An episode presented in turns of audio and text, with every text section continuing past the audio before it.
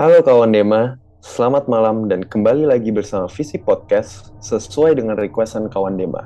Kami hadir kembali dengan episode Visi Podcast Horror Story Part 2. Cerita kali ini kami dapatkan juga dari salah satu kawan Dema yang sudah mengizinkan kami untuk menceritakannya kembali di Visi Podcast Horror Story Part 2 malam ini.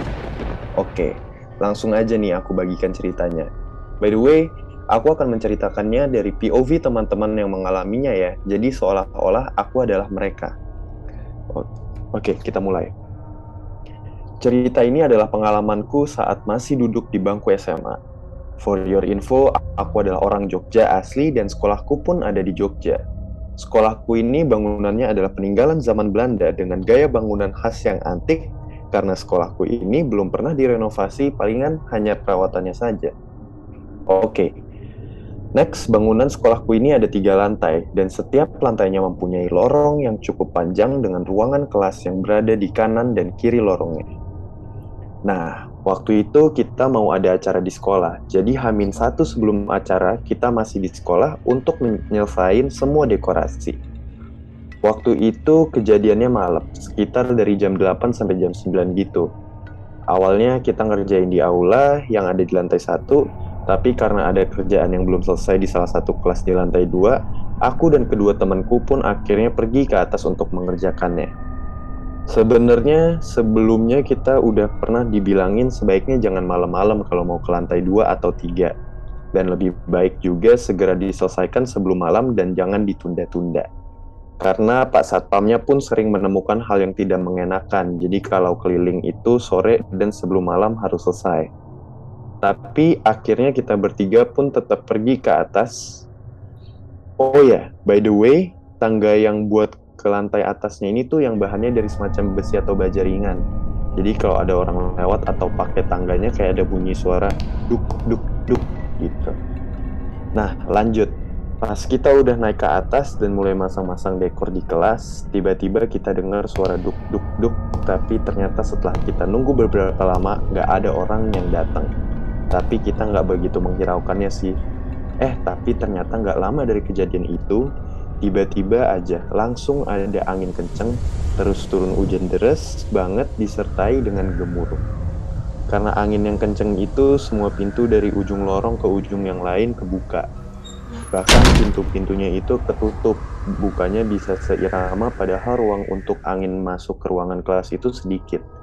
Bersamaan dengan pintu yang kebuka ketutup, satu-satunya lampu yang jadi pencahayaan di situ juga ikut mati. Kita semua panik. Ditambah lagi, ternyata salah satu temanku itu ada yang punya fobia kegelapan. Jadi temanku itu langsung merasakan pusing, pucet, dan sesak kayak mau pingsan. Akhirnya temanku ini kita gandeng. Udah kerasa, dekorasinya pun kami tinggal dan segera turun ke aula untuk ngebantuin temanku ini. Setelah itu nggak lama kemudian di ujung ruangan yang lain ada rame-rame yang ternyata ada satu temanku lagi yang pingsan. Ada kakak kelas yang bilang ini nggak beres dan bukan sesuatu kayak pingsan biasa. Temanku ini kayak hipotermia jadi badannya dingin banget. Udah kita kasih minyak dan semua hal udah dicoba tapi nggak ngaruh apa-apa.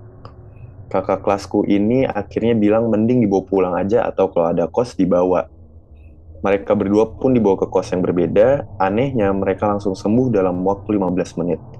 Pas sampai di kosan, langsung sembuh. Seminggu setelah kejadian itu, aku nanya ke temanku. Kemarin itu ceritanya kenapa? Ternyata temanku ini pada saat sebelum kejadian dia ngevideoin agak ngeledek gitu sambil berteriak, Yeay mati listrik, mati listrik mana nih, mana nih? Buat install story gaya-gayaan Terus pas dilihat di videonya yang baju putih sekitaran anak SMP gitu. Ini merinding ya. Oke, tarik nafas dulu teman-teman. Terus dia mamerin videonya ke yang lain dan tiba-tiba aja sosok yang dia lihat tadi nyamperin dia secara cepat dan menabrak dia. Akhirnya dia pun pingsan. Ternyata sebelum hari itu banyak yang lihat sosok dengan deskripsi yang sama di tangga. Ada juga yang lihat di lantai dua sambil memperhatikan yang lihat. Ada yang ngerasain di ruang gamelan juga. Nah, tempatnya ini pas banget di bawah lorong kelas di lantai dua tempat dekorasi kemarin. Sering terdengar suara tangga duk duk duk. Ada juga yang lihat di depan kelasnya itu kan ada kursi. Nah, temanku juga ngeliat ada sosok dengan deskripsi yang sama lagi duduk di situ. Gak cuma itu aja, ternyata banyak juga kakak kelas dan alumni pernah mengalami maupun merasakan keanehan di salah satu kelas di lantai dua ini. Dan memang benar, salah satu kelas yang ada di lantai dua ini adalah tempat yang lebih baik dihindari siang, sore, ataupun malam. Oke kawan Dema, itulah horror story kali ini. Sebelumnya cerita ini juga sudah mendapatkan persetujuan dari kawan Dema yang bersangkutan untuk dibagikan ke dalam podcast ini. Sekian untuk cerita pada episode horror story kali ini. Terima kasih kepada teman-teman yang telah berbagi cerita dan juga kawan Dema yang sudah setia mendengarkan revisi podcast. Dan jangan lupa untuk tetap menjaga sopan santun di mana pun kita berada ya teman-teman semua. Karena we are not alone. Sampai jumpa kembali di Visi Podcast episode selanjutnya.